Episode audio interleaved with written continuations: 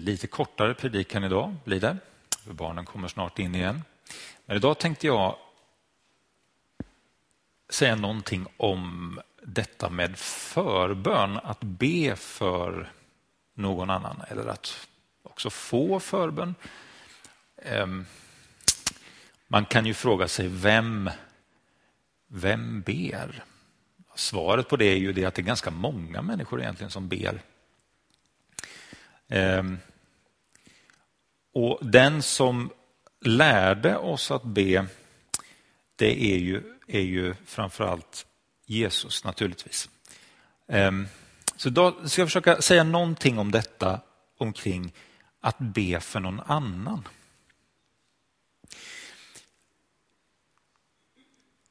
Jesus, tänk på mig när du kommer med ditt rike. Så sa ju den här mannen, en av de männen som hängde på ett kors vid sidan om Jesus, precis när, när de skulle dö. Eh, då, då pratar ju Jesus med båda två. Han, han pratar med den ena som inte alls är så intresserad av honom. Eh, och sen så pratar han med den andra. Och den andra mannen som hänger där, han vänder sig till Jesus och så säger han, tänk på mig. Bed för mig. Kom ihåg mig Och jag tänker så här att många gånger så är det väl det vi skulle önska, eller hur? Att Jesus skulle be för oss, tänka på oss. När vi är i olika situationer, när det är verkligt svårt. Om någon kan be för oss så bäst av allt så vore det väl ändå om Jesus bad för oss. Om han tänkte på min situation just nu. Tänk vad underbart det skulle vara att veta att Jesus finns där och han lyssnar på just den situationen du befinner dig i. Ja, sanningen är ju den att Jesus gör det. En av de sista sakerna som Jesus gör är att han håller ett tal om just detta att, att han han har en förbönstjänst och han, han säger väldigt mycket omkring detta med att han ber för människor. En sak av dem då ryckte jag ut ifrån Johannes evangeliet, det 17, 17 kapitlet och vers 20. Men inte bara för dem ber jag, utan också för alla som genom deras tro, ord tror på mig. Jesus är alltså den store förebedjaren. Han ber för mig, han ber för dig. Ständigt så pågår hans bön där han är nu. Därför att vi tror ju att det är så att Jesus dog men att han också uppstod och att han nu finns i himmelen på Gud faders högra sidan. Och där sitter han och ber för dig och för mig. Han manar gott för dig och för mig. Han har inte glömt din situation han vet precis hur du har det och så är han din egen speciella personliga förebedjare. Han tappar inte bort dig utan han ber för dig. Det är ganska fantastiskt att tänka sig att det faktiskt är så, att Jesus är din förebedjare. Du är inte utan, utan det finns någon som ber för dig. Jesus, vid ett annat tillfälle, det här är ju strax innan det tidigare. Eh, när Jesus är tillsammans med sina lärjungar i den här eh, trädgården som heter Getsemane, då säger han till sina lärjungar, vaka och bed att ni inte utsätts för prövning. Jesus uppmanar lärjungarna, var med och be. Och, och samma sak är det ju så med, med, som Jesus gör till oss. Han uppmanar oss att be för vår egen situation men också för människor runt omkring oss. Glöm inte bort att be. Vaka och kom ihåg att det här är viktigt. Vi vet att det är så här att om vi vill ha en god kommunikation, om vi vill ha en bra relation med någon, då handlar det om att man, då måste man prata med varandra. Om man slutar att prata med varandra, om man slutar med att, att säga någonting och det blir tyst, då är det inte länge förrän relationen upphör. Va? Men i en levande relation så är det så att då fortsätter man att prata med varandra för man tycker det är kul att prata med varandra. Man tycker det är roligt att få höra saker och få säga saker till varandra. Och så är det också med din och min relation med Gud. Att prata med honom gör att relationen håller på, att den inte tar slut. Och så säger Jesus till oss, glöm inte bort det här. Har du märkt att det är svårt ibland att komma ihåg att be? Kan, kan du tappa bort det ibland? Ibland kan jag tappa bort det.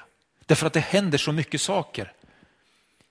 Men då säger Jesus till dig och mig, vaka, be, glöm inte min, den här relationen. Det är det viktigaste. Varför ska man då be egentligen? Ja, det finns ju många olika saker. Naturligtvis handlar det om detta med att man har en relation med, med Gud och att man lär känna honom på djupet. Men en annan sak är detta som står i Jakobsbrevet. Där står det, den rättfärdiges bön har kraft och gör därför stor verkan. Den rättfärdiges bön har kraft och gör därför stor verkan. Vad handlar detta om? Den rättfärdige, vilka är det? Är det några speciella människor? Som Gud har sagt att den och den är rättfärdig, det här är bra människor. Nej, Bibeln säger att den som tror på Jesus och den som har fått sina synder förlåtna, den människan är rättfärdig inför Gud. Gud, Jesus, har tagit bort det som hindrar och så är man rättfärdig och kan då komma nära Gud genom det Jesus har gjort på korset. Så den som tror på Jesus och den som har fått ta emot hans förlåtelse, den människan är rättfärdig. Och den människan, när den människan ber, då har bönen kraft och gör stor verkan. Det är ju naturligtvis svårt att mäta.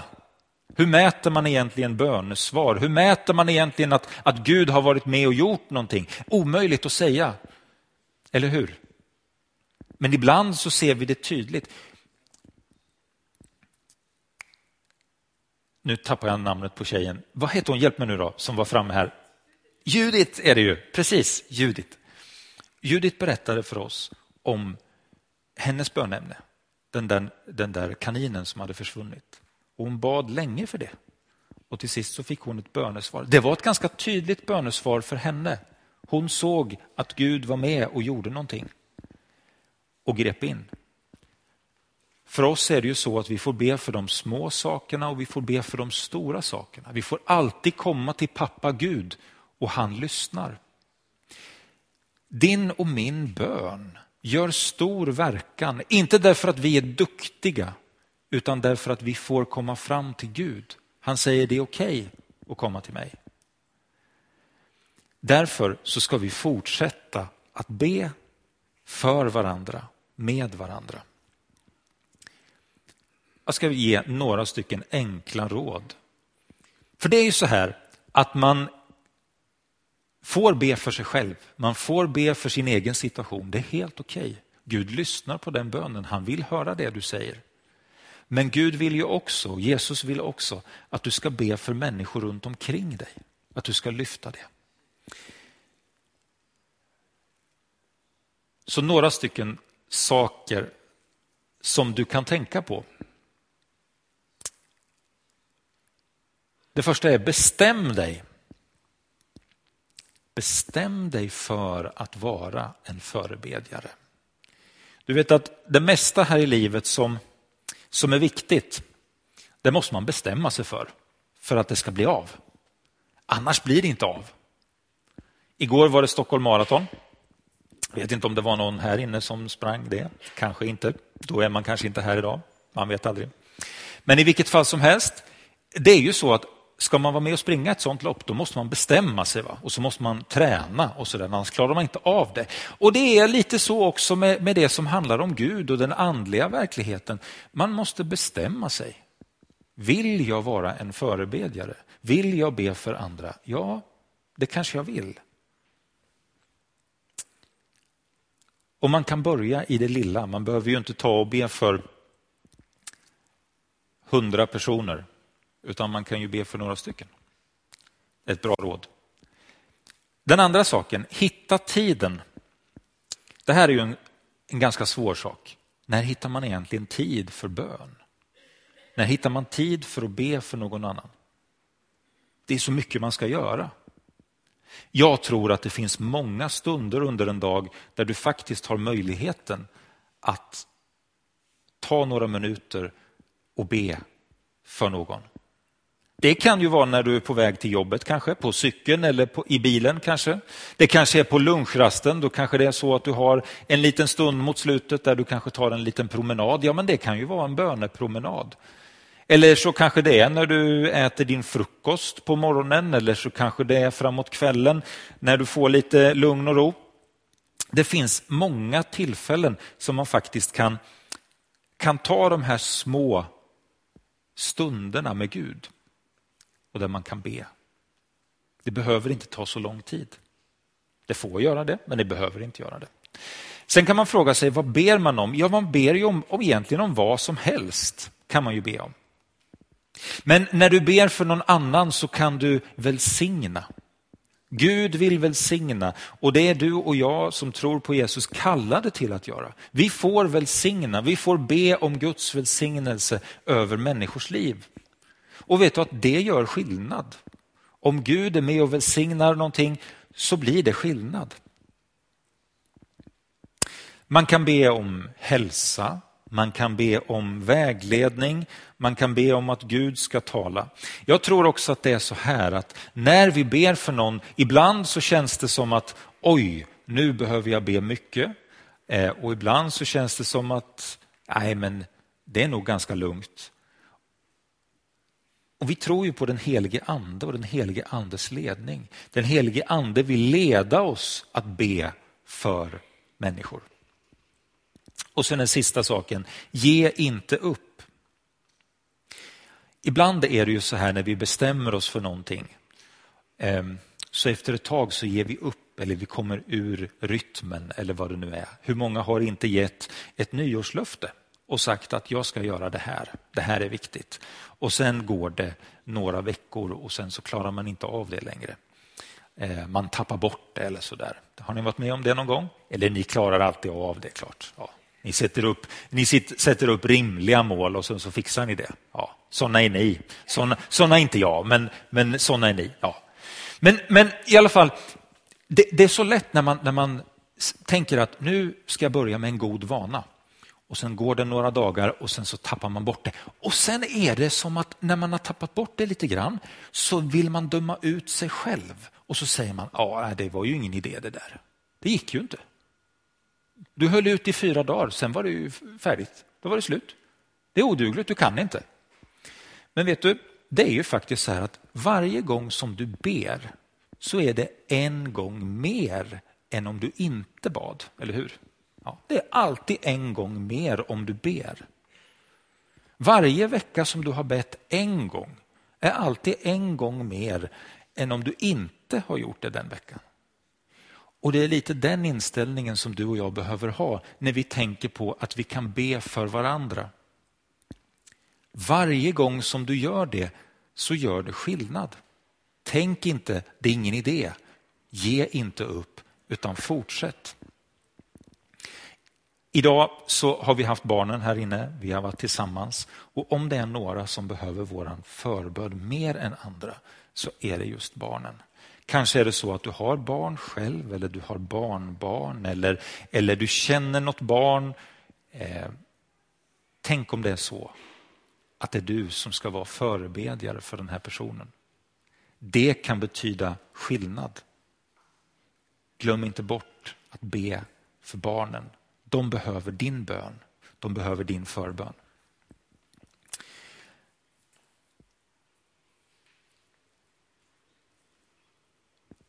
Nu är inte jag säker på riktigt hur lång tid vi har kvar här inne. Det är lite spännande här för de, de, barnen ska snart komma in igen. Men jag, ska, jag, kan säga någonting till. Nu har jag lite mer tid på mig så nu kan jag säga någonting till. Eh, några av de personerna som har påverkat mig mest i livet det är människor som jag också vet har bett för mig. Eh, jag ska nämna tre stycken. Jag ska nämna min, min mormor, jag ska nämna min pappa och jag ska nämna min mamma. De tre personerna vet jag bad för mig.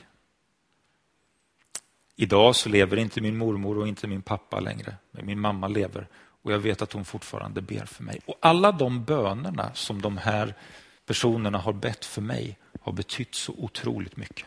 Kanske är det så att du vet med dig om att du har någon som har bett för dig. Vad värdefullt det har varit. Du vet det själv vad värdefullt det är. Att kunna gå till någon och säga kan du be för detta? Och så ber man, så vet du att det är någon som ber för dig. Tänk om det är så att du ska vara den personen för någon. Att du ska vara den som ber för någon annan. Jag kommer aldrig glömma hur det var när jag gick till skolan när jag var liten. Min pappa han var, han var sjuk eh, från det att jag var ja, kanske bara några år gammal och tills ja, egentligen hela livet igenom. Så han jobbade inte så mycket utan han var hemma. Och, och då så, så när jag skulle gå till skolan så stod han ofta i diskbaljan. Han, vi hade ingen diskmaskin utan det var i diskbaljan och det var mycket lödder. Och han stod där och så kom jag ner och så skulle jag gå ut och så när jag skulle gå ut så var jag tvungen att gå igenom köket och det var väldigt trångt. Så pappa stod där och jag skulle in där åt det hållet. Och jag var tvungen att gå förbi honom och så varje morgon så vände han sig om med sina löddriga händer och så la han dem på mig och så bad han för mig. Jesus, ta hand om Niklas den här dagen. Du ser vad han behöver. Du ser vad han ska göra idag. Du vet om det här provet. Och du vet att det där har aldrig lämnat mig. Så otroligt värdefullt det har varit för mig alla de dagarna och även nu. Du kan göra skillnad som förebedjare. Glöm inte det. Jesus uppmanar dig till att be. Ta den chansen. Be för barnen. Be för dem som du har i din närhet. Det gör skillnad. Ge inte upp, utan fortsätt din bön. Tack Herre för att vi får be tillsammans. Tack för att vi får, får be för våra barn, för våra ungdomar, Herre Jesus. Tack för vad olika böner har fått betyda i mitt liv, Herre Jesus. Och tack för förebedjare som har gått före oss, Herre Jesus. Men Herre, nu ber vi också för de som är barn idag. Du ser alla de barnen som är här idag, Herre Jesus, och firar gudstjänst med oss. Vi ber dig, Herre Jesus, om att du ska välsigna dem, att du ska bevara dem, Herre Jesus. Att du ska vara nära dem, att du ska se till dem, Herre. Du vet vad de behöver, Herre. Jesus, hjälp oss att vara förebedjare och att be för de små och för människor runt omkring oss. I Jesu namn. Amen.